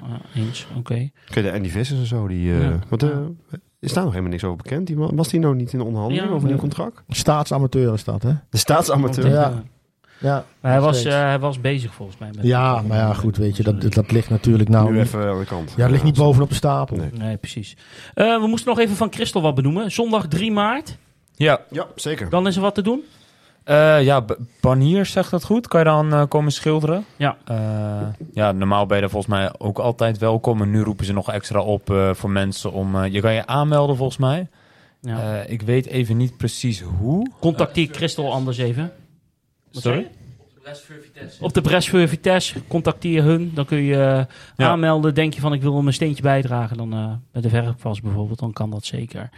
Ehm, Lex, Ja. dank voor je komst. Voor je inhoudelijke Ja. beschouwingen. Voor eh, inzichten. We hebben een klein cadeautje namens Slijterij Van Baal. Oké, het is weer zover. Het is weer zover. Er zit ook nog een chocolaatje bij trouwens, of niet? Nee, er zit nog geen chocolaatje bij. Ik Eh, had jawel, champagne jawel. verwacht, maar ja. Ja, ja, nee, die heb je ook gehad. Ja, Aan het begin van de uitzending. dank u, Maar dank eh, u. ja, we wonnen niet van Volendam. We Nee. hebben drie keer gewonnen dit seizoen. Het was drie keer puur genieten met, eh met John uit Hussen. Maar tot nu toe, ja, hij, eh, Hij zit er wel hierbij. Ja, hij- hij zit erbij hiernaast, Hangt maar- een beetje naar achter met de armen Ja. over elkaar. ja. Nee, maar goed. Ehm, hartelijk dank eh, voor je komst. Ja, graag gedaan. En, En, eh, ehm, even voor de goede orde, eh, want er werd dus gesuggereerd dat ik de degradatie hartstikke graag zag zitten. En ook dat Vitesse, wat mij betreft, failliet mag gaan. Maar dat is niet waar. Ik, ik vind toch de Eredivisie zelf ook leuker om rond ja, te rennen ik, ja. dan op vrijdagavond. Dus Ja. ik, ik, ik zou zeggen, ehm, ik gun ze wel, zal ik maar zeggen, de, de, de handhaving. Nou, laten we daar dan maar ergens op bidden en hopen en smeken. Dit was de honderdste, jongens. Ja. Ja. Hebben we er nog zin in eh, de rest van het seizoen om op te nemen? Of stoppen we nu gewoon? Zullen we stoppen ermee? ja, Nee, doen we niet. Doen we tuurlijk. niet. Het is, het is door. net een huwelijk, hè? In voor, maar vooral in. Oh ja, vooral? Vooral in ja, vooral nu. Op Oh. dit moment. Ja, zo bedoel ik het. Oh. Vooral in tegenspoed. Ik dacht, hij citeert het eigen Ik werk. wou dat zeggen, ja. Je voelt hem ook al aan, hè? Nou, mijn vrouw luistert toch nooit naar deze podcast. dus ik kan zeggen wat ik wil. Dus het maakt niet zoveel uit. Maar dan wordt het weer doorgesluist door iemand waarschijnlijk. Maar goed, we gaan weer eh, volle bak volgende week voor de 101 aflevering. Ja. Ehm, we kijken even de perschef aan. Dan zeggen we, ja, sturing die mag zeker eh, namens ons eh, nog een keer aanschuiven. Dat eh, gaan we nog wel een keertje plannen. Dat komt Ja. helemaal goed. En dan op naar de volgende 100. Aju, Aju. Aju. Hoe moet ik ook zeggen, aju? aju.